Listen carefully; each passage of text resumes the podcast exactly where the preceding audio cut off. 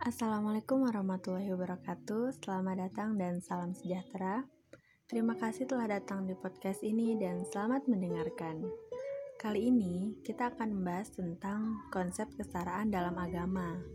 Nah, kita semua tahu bahwa di zaman yang begitu modern ini, masih saja ada perempuan yang merasa bahwa derajatnya itu lebih rendah daripada laki-laki. Padahal kita semua tahu bahwa kita itu adalah hamba Allah dan tolak ukur baik buruknya seorang hamba itu bukan gender.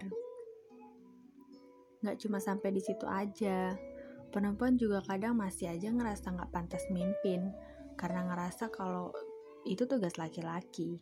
Padahal kan kita semua sama-sama khalifah di bumi ya, dan khalifah itu artinya pemimpin. Jadi kita semua sama-sama punya tanggung jawab nih. Tapi Masalah-masalah ini timbul bukan cuma karena perempuan, tapi juga karena pandangan kaum laki-laki yang masih keterbelakangan. Yang masih mikir bahwa kalau perempuan mimpin itu nggak bakal efektif. Kalau perempuan yang mimpin itu kadang mereka baperan dan kurang wawasan gitu daripada laki-laki. Padahal kenyataannya nih, nggak selalu seperti itu loh. Gak selamanya pemimpin perempuan tuh lebih buruk daripada laki-laki. Coba aja kita lihat tokoh masyarakat yang sekarang lagi ramai banget diperbincangkan. Ada Ibu Risma, ada Ibu Khofifah, dan masih banyak lagi nih perempuan-perempuan hebat di luar sana.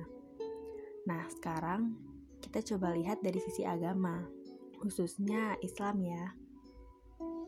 Gimana sih Islam memandang kesetaraan? Oke, jadi gini, Al-Quran memang mengakui adanya perbedaan antara laki-laki dan perempuan. Tapi, ada tapinya nih. Al-Quran gak pernah bermaksud membeda-bedakan atau mendiskriminasi laki-laki maupun perempuan. Al-Quran itu gak pernah bermaksud untuk menguntungkan ataupun merugikan salah satu pihak. Karena Al-Quran itu justru turun untuk memberikan dan mengajarkan keadilan kepada umat manusia ada hal yang sangat penting yang harus kita ketahui nih, bahwa gender itu berbeda dengan seks. Gender itu perbedaan antara laki-laki dan perempuan dilihat dari segi nilai, tingkah laku, dan gender ini sifatnya bukan kodrati ya, bukan yang uh, nggak bisa berubah sama sekali gitu. Karena pandangan tentang gender itu bisa berubah-berubah tergantung budaya, lingkungan, dan faktor-faktor lainnya. Nggak kayak seks, yang mau di mana pun kita berada, seks itu ya cuma tentang laki-laki atau perempuan gitu. Nah, bahaya banget nih kalau gender dilihat sebagai suatu yang kodrati, yang nggak bisa diganggu-gugat gitu, yang perempuan harus kayak gini, laki-laki harus kayak gitu gitu. Nah, pemikiran yang kayak gini nih justru akan melahirkan ketidakadilan. Dan ini sih yang banyak terjadi sekarang. Kita perlu ingat bahwa laki-laki dan perempuan itu sama-sama hamba nih. Tolak ukur hamba lebih baik di hadapan Tuhan itu bukan gender kan, tapi ketakwaan. Dan laki-laki dan perempuan juga sama-sama menjadi khalifah di muka bumi ini. Nah, kata khalifah itu nggak merujuk sama sekali ke jenis kelamin tertentu nih. Jadi, kita semua, terlepas itu laki-laki maupun perempuan, pasti akan dimintai pertanggungjawaban.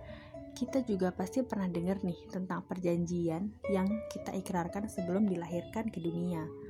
Laki-laki ataupun perempuan, semuanya pasti menyatakan ikrar kepada Allah. Jadi, nggak seharusnya perempuan ngerasa rendah diri, karena sejak kita lahir pun kita sudah diberikan keadilan gitu, kesamaan Terus prestasi. Semua orang itu memiliki potensi meraih prestasi yang sama nih. Di Al-Quran tertulis dalam surat Al-Imran ayat 195 nih. Pada ayat itu tidak sama sekali menunjuk pada laki-laki ataupun perempuan. Jadi, laki-laki dan perempuan memiliki hak yang sama untuk berprestasi nih.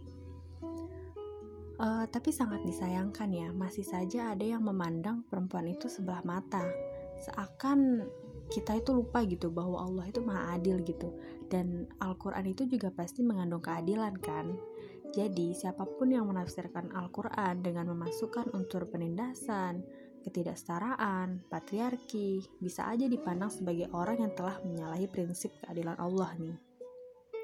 Kita sebagai perempuan, apabila tidak memahami dan menyadari kedudukan kita yang sesungguhnya nih, maka bagaimana gitu kita bisa melaksanakan kewajiban dengan maksimal? Kalau kita aja masih ngerasa rendah, nah lebih mirisnya lagi nih, kita sendiri nih yang merendahkan diri kita. Padahal Islam itu telah begitu tinggi mengangkat derajat perempuan dan tentunya tanpa merendahkan yang lain ya. Namun, jika kita justru terus saja merasa lebih rendah, padahal sebenarnya nggak begitu kan, maka kita sudah secara sukarela nih untuk kembali ke masa jahiliyah, masa di mana perempuan itu nggak dihargai dan dipandang rendah.